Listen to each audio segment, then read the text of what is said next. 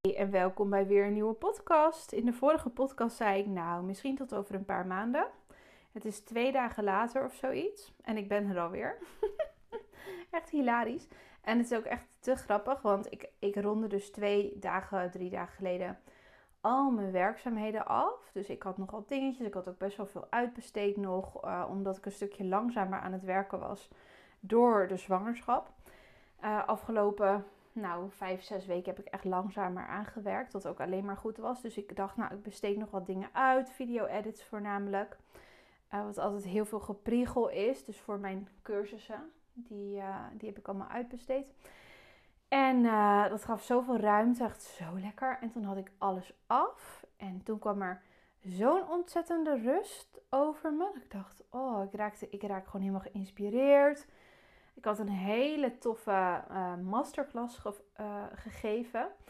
Uh, maandagavond in de Grow With Me community was eigenlijk gewoon een live QA. Maar het is, het is dus, het zou nou drie kwartier gaan duren. Het was uiteindelijk 75 minuten en het is gewoon een masterclass marketing communicatie geworden. Echt heel vet voor fotografen. Dus er zitten echt allemaal van die vragen in als: uh, Oh, ik heb mijn prijzen verhoogd en mijn baan opgezegd, maar nu komen er even geen klanten meer. Um, nou, moet je jezelf laten zien op social media? Hoe is dat belangrijk en waarom? En hoe doe je dat dan? Moet je dan ook je gezinsleven laten zien? Uh, is dat belangrijk voor je succes als fotograaf? Uh, wat zat er nou nog meer allemaal in?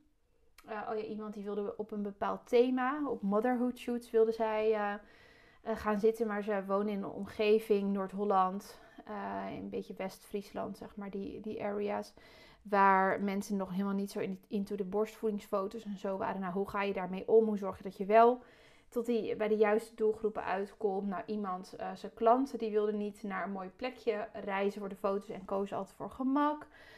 Uh, nou, zo allerlei dat soort vragen zaten daarin. Van hoe ga je daarmee om? Wat, nou, dat vind ik zo leuk om mee, mee, uh, mee bezig te zijn. Dat is mijn vak van, voordat ik fotograaf was, was ik marketing communicatieadviseur vooral communicatieadviseur. En um, ja, als fotograaf heb ik dat heel zelf allemaal toegepast. Ik heb daar ook een studie voor gedaan. Communicatie en geschiedenis heb ik gestudeerd.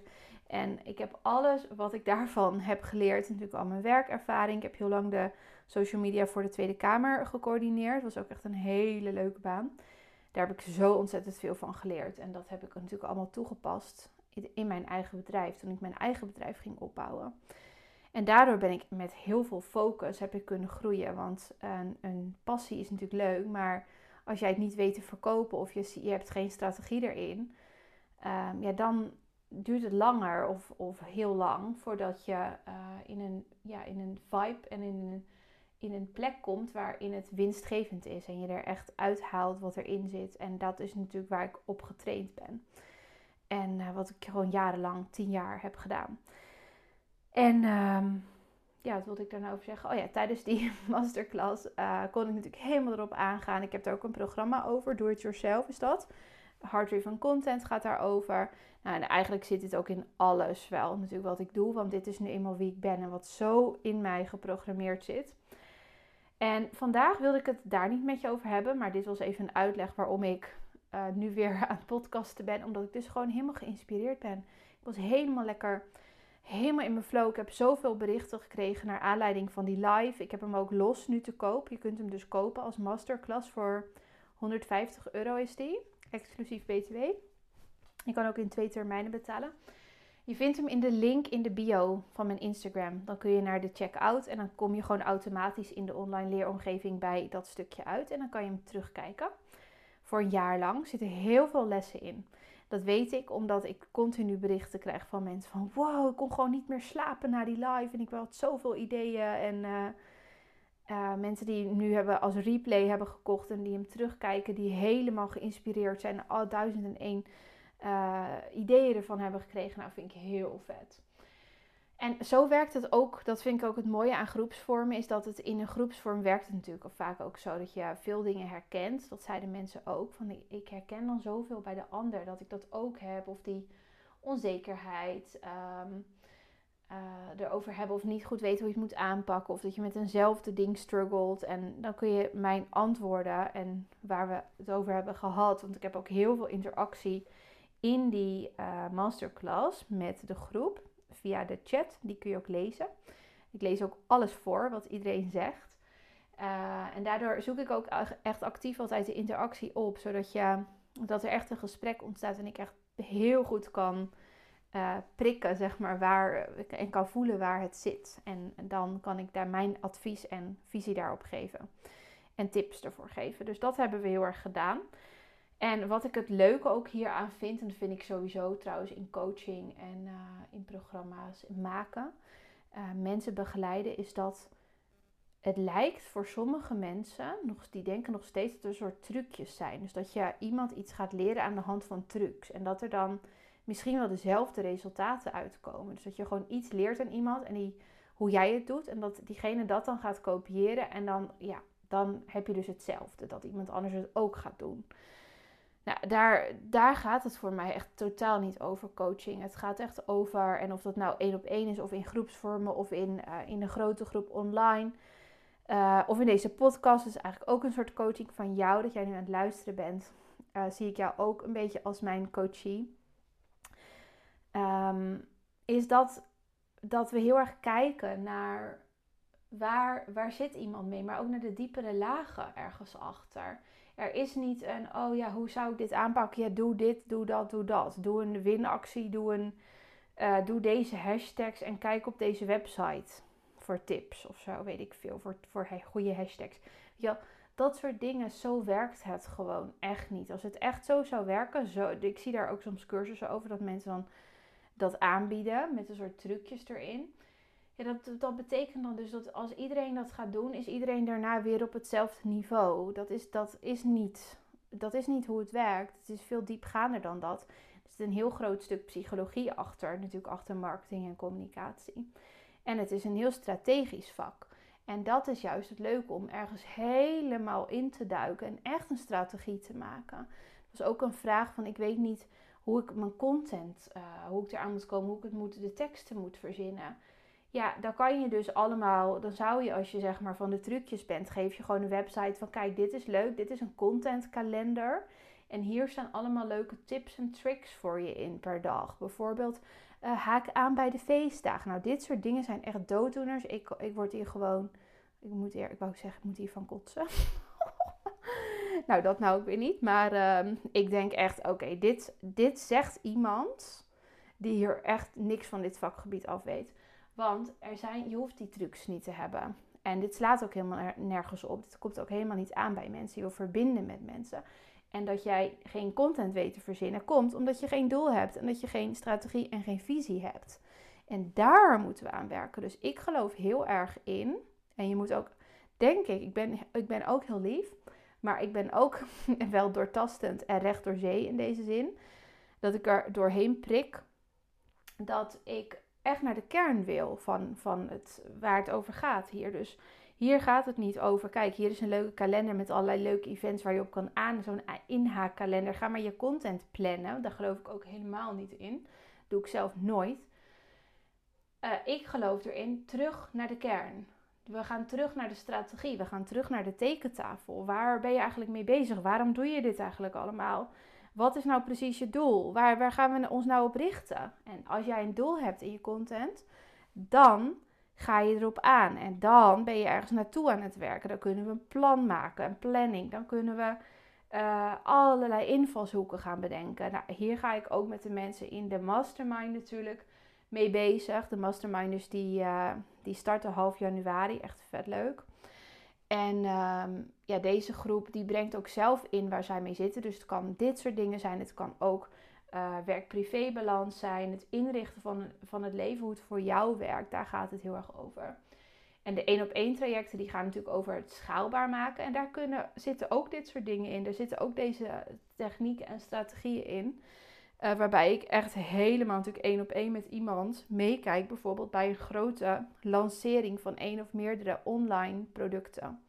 Geweldig vind ik dit echt. Oh mijn god, ik heb hier zoveel zin in. Ik heb nu twee mensen die ik één op één ga begeleiden. En misschien nog een derde. Die, uh, die stuurde mij een berichtje vandaag. Heel leuk. Ik zie zoveel potentie ook. En ik vind het zo leuk om En vanuit mijn fotografie-achtergrond te kijken. Want ik weet natuurlijk waar je als fotograaf mee bezig bent. Maar ook al helemaal weer in mijn uh, marketing-communicatie adviesrol te stappen. En niet alleen advies, want ik ben ook een. Uh, ik heb ook van advies tot aan maken gewerkt. Dus echt tot de daadwerkelijke implementatie en het uitvoeren. En dit is gewoon echt, ik ga hier helemaal op aan. Ik vind het geweldig. Dus hier heb ik heel veel zin in. Als je daar meer over wil weten, moet je me even een DM sturen.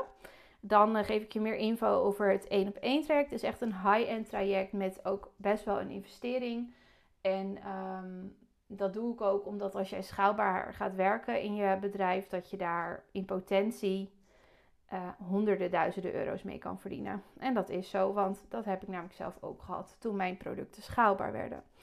Dat is gewoon zo'n goudmijn ligt daaronder. Als je leert hoe je dit moet doen, hoe je dit kan aanpakken en hoe je dit start, dan heb je zo'n ontzettend grote vrijheidsbasis die je creëert voor jezelf en heel veel plezier. En het is wel belangrijk dat je dit echt vanuit het plezier doet, dat je dit echt, echt leuk vindt om te doen. Ik wilde je dus eigenlijk, ik ben nu helemaal aan het uitweiden, ik ben al 11 minuten aan het praten zie ik, maar ik wilde je dus ook nog meenemen in een stukje uh, over mezelf, best wel persoonlijk. Wanneer ik zelf eigenlijk ben gestart met coaching, daar had ik het net over aan de eettafel met Jaco. En uh, ik heb best wel een moeilijke jeugd gehad. In de zin van aan de ene kant was het heel erg leuk. En had ik heel veel vriendinnetjes en vriendjes. En leuk op school en zo. En dat ging allemaal goed. Maar thuis was het niet altijd even fijn. Mijn vader die was niet, niet uh, zo in balans. Um, achteraf waarschijnlijk uh, dat hij depressies had. Nou, dat zou ik nooit helemaal precies weten hoe dat, hoe dat uh, nou was. En wat het nou precies was. Maar in ieder geval, dat was moeilijk. Mijn moeder die was alle ballen hoog aan het houden met drie kinderen. En eigenlijk ook nog een man erbij waarvoor je ze moest zorgen. Dus er was heel weinig aandacht. Ik moest heel, heel veel zelf uitzoeken, zelf doen. Waar ik natuurlijk ook heel veel aan heb gehad uiteindelijk. Maar ik had het liever op een andere manier geleerd.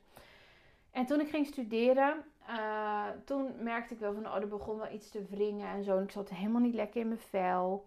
Het kwam allemaal heel erg op me af. Nou, toen ben ik voor het eerste keer dat ik naar een psycholoog ging. Via de huisarts een doorverwijzing. Dat vond ik heel spannend. En uh, ook wel heel moeilijk om daar open te stellen over, over dat soort dingen. Ik, ik stond echt aan het begin van zelfontwikkeling, van therapie.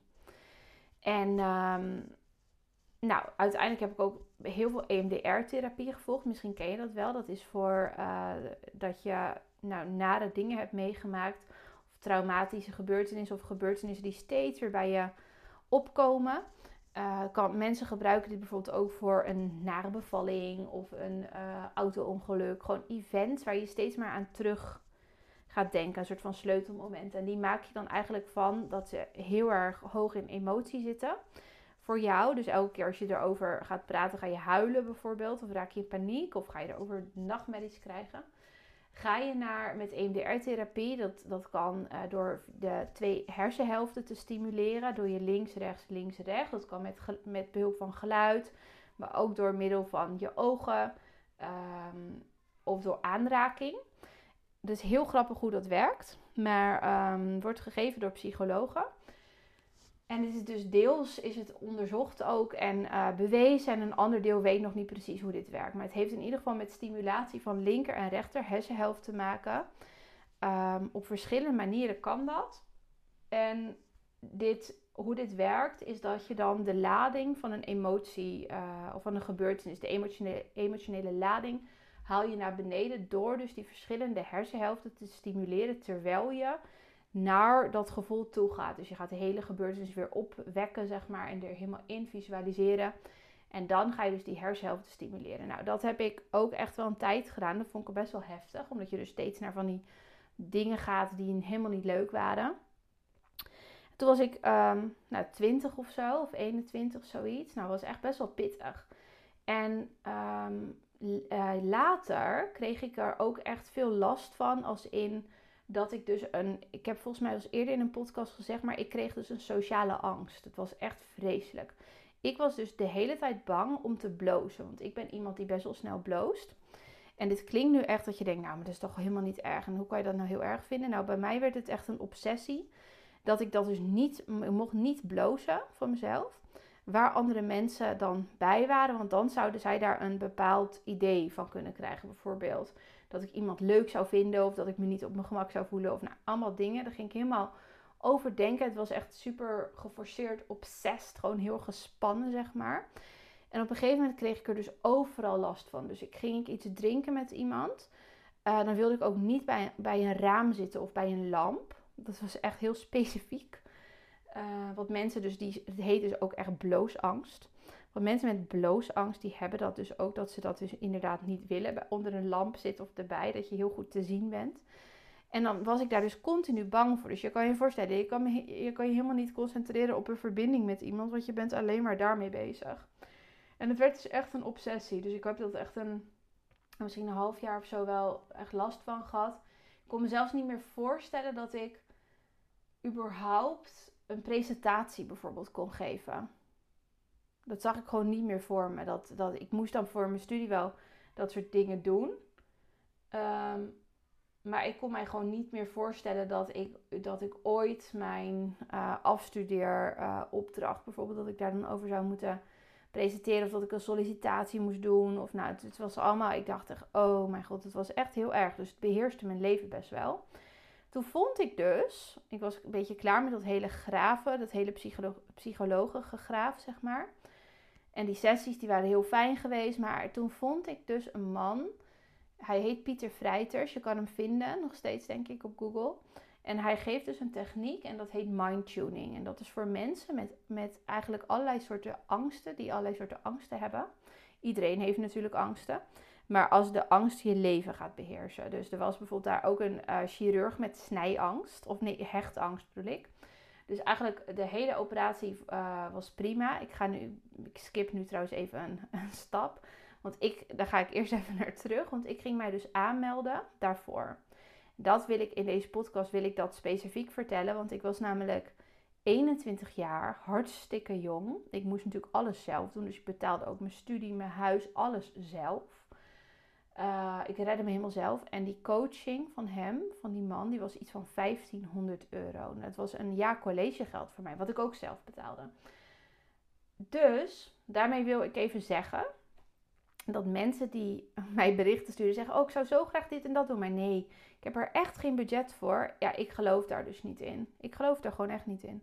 Als je het echt wil, dan zorg je er wel voor. Ik ging meer werken omdat ik naar die coaching van hem wilde. Ik dacht, dit is de oplossing. Ik ga dit doen. Deze man gaat mij helpen hierbij. En ik ga hier alles uithalen. Ik slurp het op. Ik heb nog steeds de notitieboeken die ik van, van hem heb, zeg maar, die ik daar heb gemaakt. Ik ga hier gewoon voor. En, en ik had hem gemaild. Ik zei, joh, ik heb hier en daar last van. Hij had het ook beschreven op zijn website. Die bloosangst kon ik nergens vinden. Psychologen, die kenden het zelf niet, die ik dus sprak. En uh, zo, in specifiek in, in dat, zeg maar, dat het daarin dan zat, in dat blozen. En uh, ik ging hem dus mailen en, uh, en ik had hem ook gebeld, geloof ik. Ik had gezegd van ja, ik ben student en ik, ik, ja, ik heb dit echt, ja, dit gaat mijn, mij zoveel bieden, me zoveel handvatten geven. Ik moet naar jou toe. En um, het was dus in Waddingsveen, daar woont hij, dus bij Gouda. En ik woon in Groningen. Dus het is drie uur rijden voor mij. Drie uur reizen, zeg maar. Drie uur met de trein heen, drie uur terug. Dat was voor mij ook geen beperking. Dus het geld dacht ik, ja, ik zorg er maar gewoon voor dat ik dat bij elkaar krijg. Ik ga extra werken bij mijn bijbaantje. In een kledingwinkel, waar ik trouwens daar ook vet veel last van had. Vooral bij de kassa, als mensen op mijn handen zaten te kijken, op mijn vingers. Oh my god. Het was verschrikkelijk. Dan kreeg ik het zo heet, ging ik helemaal zweten. En ehm, ik dacht, ik ga gewoon extra werken. Doen we allemaal dingen niet. Maar ik ga dit sowieso doen. En dat is what it takes. Dit is wat het betekent als jij vastbesloten bent om te groeien en ervoor gaat. Dus al die dingen, mensen die mij dingen sturen, nee, ik heb net dit of ik heb net een verbouwing. Ja, sorry, maar ik geloof daar allemaal niet in. Als je iets echt wil, ik heb dit als student zonder echt een rode rotcent gewoon ook gedaan. Terwijl ook, ik ook voor alles zelf moest zorgen. Dus als jij echt iets wil, als je echt wil ontwikkelen en je bent hier serieus in, dan ga je er gewoon voor. En dit heb je ook nodig om succesvol te zijn. Als je dit, niet, als je dit stuk niet doet, dan um, word je ook niet heel succesvol. Geloof ik heilig in. Je ziet dit vaak, ditzelfde stapje wat mensen zetten in hun hoofd, zie je vaak ook bij, nou ja, uh, ik noem even Tony Robbins. Uh, zie je vaak bij hele succesvolle mensen. Die hebben vaak allemaal best moeilijke dingen meegemaakt en moesten echt een harde keuze maken.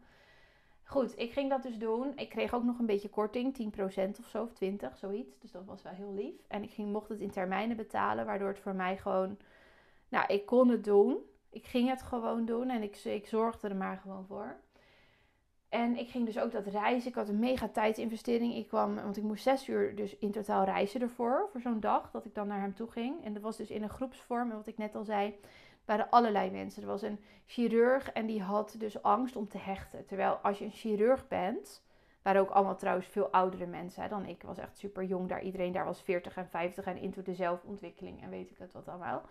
Ik niet. Ik was gewoon, ik was gewoon dedicated. Ik was eigenlijk ook al mee bezig. Maar ik voelde me een vette loser dat ik dat nodig had. Terwijl ik nu denk, wow, dat was echt badass, weet je wel. Als je 21 bent en je gaat dit soort dingen gewoon doen en je besteedt daar je geld aan. In plaats van dat je nou, op een wereldreis of zo gaat. Maar in ieder geval, die chirurg die durft dus niet te hechten. En het hechten is het allermakkelijkst van de hele operatie. En dan dacht hij, ja, als dit mislukt en mijn handen trillen, ja, dan uh, denken mensen, Jezus, wat een, uh, wat een uh, hoe noem je dat? En dat een schijnvertoning is dit. Dus hij had het ook. Nou, er was er ook een violist en die was dus heel erg bang om met de stok te trillen. Omdat zij heel erg in beeld was op televisie en zo. Dus dat met die strijkstok. Ik weet niet hoe je dat precies noemt. Ik denk gewoon een strijkstok. Uh, dat, om daar dan mee te trillen. Dat, met haar handen. En dat had ze dus ook al een paar keer gehad. En dat had die chirurg ook gehad. Er waren een paar mensen met rijangst. Uh, wat waren er nog meer? Ik zit even te denken. Oh ja, eet. Iets met eten volgens mij ook. Overgeven, daar heel bang voor zijn misselijk worden. Maar die rijangst was ook heel interessant. Uh, en en hij, hij begon ook van ja, alle angsten zijn gewoon hetzelfde. Het heeft allemaal met éénzelfde ding te maken. En iets wat ik ook altijd doorgeef, nog steeds, ik geef natuurlijk allemaal dingen die ik daarvan heb geleerd. Die zijn zo in mij verweven geraakt natuurlijk. Dus nu, ik ben nu 35, ik was toen 21. En die, uh, die dingen geef ik ook door, waaronder um, dat dat vond ik zo mooi inzicht. Dan tekende hij zijn spierballetje of een arm en een spierballetje. Dat de tegenhanger van angst is lef en durf en daadkracht. En dat is niet iets wat je hebt, maar dat is iets wat je traint. En hoe vaker jij het doet, dan zie je, hey, dit kan ik wel. Maar hele kleine stapjes. Dus hij zei, je moet bijvoorbeeld iemand met hoogtevrees nooit laten bungee jumpen. Dat doen mensen natuurlijk ook. Dat ze denken, ja, maar dan kom ik er vanaf. Dan ga ik er doorheen, dan ga ik heel hoog. En dan daarna is het weg. Nee, dat is vaak niet zo.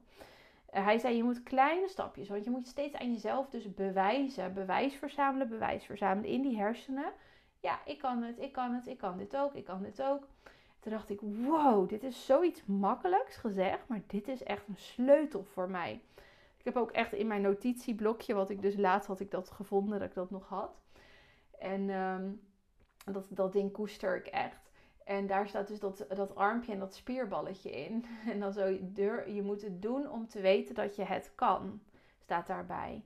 En daardoor ben je dus in je durfspier, noemde hij het ook, aan het investeren. Nou, en dat ben ik dus, nou, ik zijn nog veel meer lessen natuurlijk daaruit gehaald. En ik heb daar echt heel veel geleerd. Um, en heel veel ja, sleutels gekregen die ik zelf kon toepassen en mee kon oefenen. Ik was er nog niet, hè. Ik was daar twee dagen geweest, twee volle dagen. Ik was echt helemaal gesloopt daardoor. Um, maar ik moest wel alles nog gaan doen. Het is niet als je dan daarheen gaat dat, je dan, dat het daarna opgelost is. Je moet het daarna toepassen en ermee aan de slag gaan. Zo, is, zo werkt coaching. Zo werkt leren en ontwikkelen. En ik ging dat dus continu trainen, trainen bij mezelf. Het opschrijven met de positieve affirmaties. Werken soms serieus, als ik dit dus zeg, van het helpt om met kan helpen voor jou om met positieve affirmaties en statements te werken. Dat zijn dus positieve formuleringen over jezelf en over, over jou en wie je bent. Soms zie ik mensen, als ik daar iets over zeg, met hun ogen rollen. Dat zeg ik, ja, dan komt de domme affirmaties weer, die kaarten. Dat is eigenlijk helemaal niet. Ik snap het, omdat het een soort van hyped is. Was het toen nog helemaal niet. Niemand had die kaart. Ik had Engelse kaarten en een Engels boekje had ik daarvan gevonden op, eh, op internet en besteld. Maar ik gebruikte die en ik tunede mezelf gewoon. Ik maakte mezelf gewoon ready voor het succes. En ik zorgde, ik ging, ik ging zo'n stage bijvoorbeeld doen waarvoor ik moest presenteren, mijn doodsangst. Ik ging dus met die kaarten werken. Ik had die kaarten mee. Ik schreef, de, ik zei die dingen op tegen mezelf in de spiegel. Ik ging ze uh, die kaart meenemen. Ik ging hem dan lezen vlak voordat ik het gesprek of de, ding, de eh, presentatie inging. En zo ging ik er gewoon voor. En ik merkte ook dat ik hoefde niet perfect te doen, maar mijn houding was zo anders geworden. Ik was, ik was dus van een uh, fixed mindset naar een growth mindset gegaan. Dat is wat er is gebeurd. Dus in plaats van dat ik op eindresultaten um, mezelf ook afrekende, ging ik naar groei. En dacht ik, nee, elke fout is iets geleerd. Ik ben gewoon de durfspier aan het trainen. I don't care als ik uh, bloos. Dat, uh, ik zet er een andere gedachte tegenover en een affirmatie. En zo ben ik daar dus ingegroeid. En ik wil je meenemen in dit, in dit verhaal. Daarom heb ik dit helemaal nu aan je verteld. En duurt deze podcast best wel lang. 25 minuten nu al.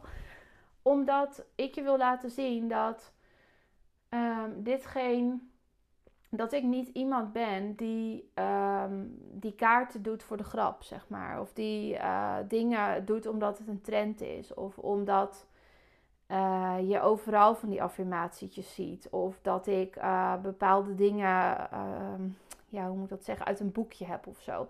Ik heb dit echt zelf doorleefd. Ik heb alle stappen gezet.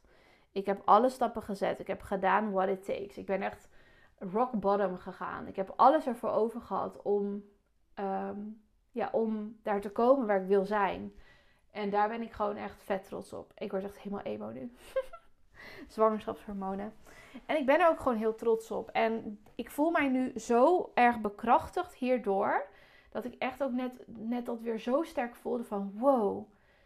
Er is weer iemand die zegt: Ja, ik wil dit één op één met jou, met jou gaan werken. Jij kan mij hierbij verder gidsen. En in de mastermind, in die groep, daar zitten die mensen die ook die stappen durven te zetten.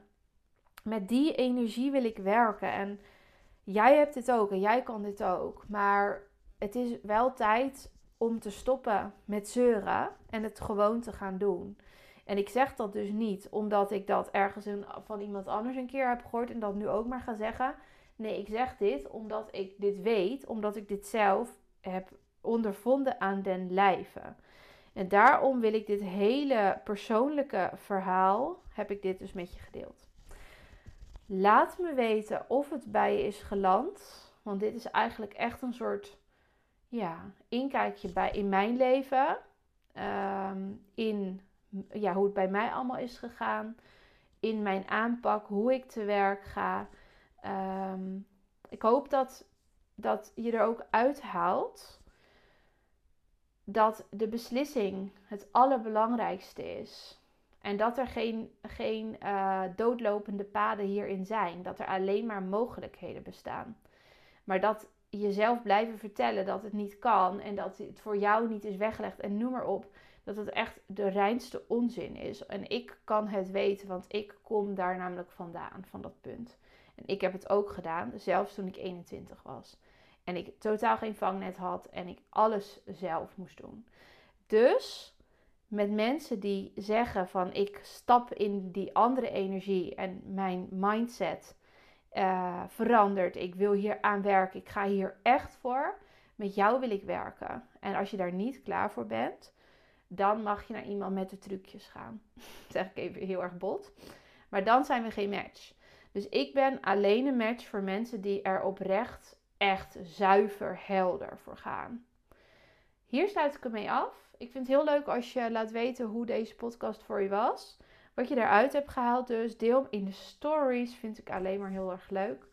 En waarschijnlijk wel tot de volgende. Want ik zit zo erg helemaal aligned in een soort van hele zuivere energie. Waar ik alles zo helder zie. Ehm, dus waarschijnlijk uh, komt er nog wel een podcast. Ondertussen zie ik een ooievaar langs vliegen in de golden hour zon. En nog één. Er zijn niet heel veel ooievaars, dus het is geen teken hoor. Tot de volgende. Doei!